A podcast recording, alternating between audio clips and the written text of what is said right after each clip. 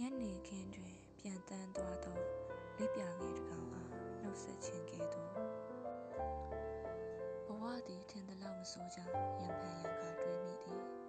တွေးမိသည်ဆိုခြင်းထက် သတိပေးသည်ဟုပြောလျင် ပိုတိကြပါသည် ဒီစာကို ရေးနေခြင်းတွင်နှွေးထွေးသော အိမ်ခန်းနှင့်နေရခြင်း ထမင်းပူပူ ဟင်းပူပူနှင့် လက်ဆောင်စားမည်မိသားစုလည်း ရှိခြင်းတို့ကြောင့်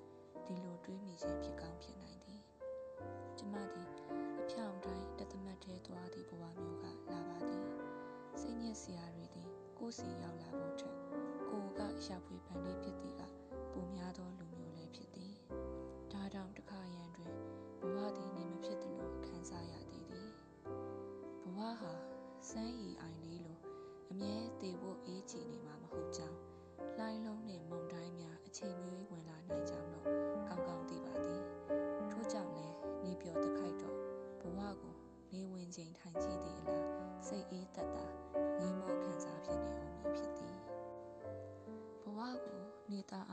ပေးသည့်ထဲတဘာဝနှင့်အလှကိုခြံထား၍မဖြစ်တခါတရံသူတို့သည်ကျမအတွက်စိတ်အပန်းဖြစ်ရာဆိုတာထက်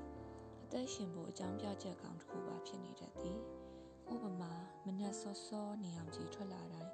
တတငေးရရသောကြက်ဥနှင့်အောင်ကောင်းကင်ကားချက်များအိမ်ပြင်နည်းနည်းလှမ်းလိုက်လျင်နိုးတဝက်အိတ်တဝက်နှုတ်ဆက်တတ်သောစပယ်အိုယုံလေးများလူမနိုးခင်တည်းကကြိုဆောက်နေတတ်သည့်ခိုနှင့်စားကလေးတွေ ကျမကိုမြင်တိုင်းခုံပေါက်မြူးထိုးနေသောခွေးကလေးသူတို့တွေသည်ခါတက်သောချောကလက်ပူပူထဲလိုက်ရှာမိသည့် marshmallow လေးများပမာဖြစ်ပါသည်ဘဝကနေပျော်စရာကောင်းချင်မှကောင်းမည်သို့တော့ကိုကိုကိုတော့ကျေနပ်ပျော်ရွှင်အောင်လုပ်ယူလို့ရသည်လှုပ်လဲလှုပ်တင်သည်ဟုယူဆပါသည်အလုတ်ပြီးမြောက်ခြင်းသည်ကိုကိုကိုအကောင်းမြင်စေသောနီလန်တစ်ခုဖြစ်သည် ကယ်မလုပ်ဖြစ်ပဲအတွေးတက်တက်တာဖြစ်နေတတ်တာ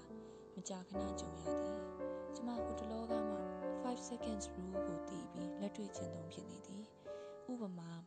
ဒီနေ့ရေချိုးမည်ဟုကြံစီလိုက်လျင်ချက်ချင်းထချိုးသည်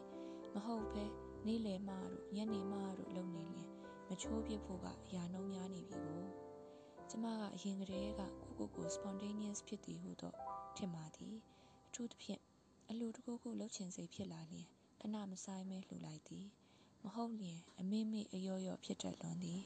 ပြီးတော့အဲ့ဒီလိုမလုံးဖြစ်တာကိုစိတ်ထဲတနှုံနှုံနဲ့ခံစားနေရသည်ထို့ကြောင့်လှုပ်ရှားရှိလျင်လှုပ်ပြီးပြောစရာရှိလျင်လည်းပွန့်ပွန့်လင်းလင်းပဲပြောပါသည်ကျမတို့သည်နေ့စဉ်နှင့်အမျှစကားတွေပြောကြသည်သို့တော့လိုအပ်မှုအချို့ကိုအပိုဟုထင်ကလစ်လျူရှုတတ်ပြီးမလိုတာတွေကိုတော့ ပိုပိုတတထဲလေးရှိသည်ဟုထင်မိ၏ကျမငယ်စဉ်ကကျေးဇူးတင်စကားပြောခြင်းလူတစ်ယောက်ကိုနှုတ်ဆက်စကားဆိုခြင်းမွေးနေ့ဆုတောင်းပေးခြင်းစသည်တို့ကို အပိုဟုထင်ခဲ့သည် အပေါ်ယံဆန်သည်ဟုထင်ကကိုယ်တိုင်မပြောဖြစ်ခဲ့သည်ကများသည် အခုပြန်စဉ်းစားမှဘဝတွင်ကျေးဇူးတင်စရာကောင်းသောအဖြစ်အပျက်များလူပုဂ္ဂိုလ်များများပြားလာကြောင်းကိုသတိရသည်ဒါကြောင့်လည်းအခုနောက်ပိုင်း မိသူကိုမဆိုကျေးဇူးတင်ဖို့ဝင်မလေးတော့ရုပ်ရှင်ဂီတစာအုပ်ကောင်းကောင်းများကိုညွှန်ပေးသည့်သူများကိုကျေးဇူးတင်ရတယ်လို့အချို့ကြတော့သူတို့တည်ရှိနေခြင်းကိုပဲကျေးဇူးတင်ရသည် ဥပမာမိသားစုနှင့်တငယ်ချင်းများပေါ့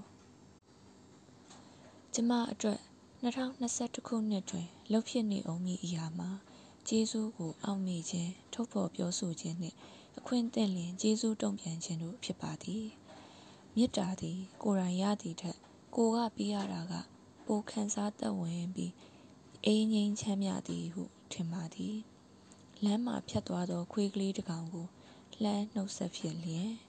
ညနေခင်းတွင်ပြန်တန်းသွားသော လိပ်ပြာငယ်လေးကို နှုတ်ဆက်ဖြစ်လျင်တယောက်ယောက်ကို ချစ်ကြောင်း ကျေးဇူးတင်ကြောင်း ပြောဖို့က ဒီလောက်မခက်ခဲပါ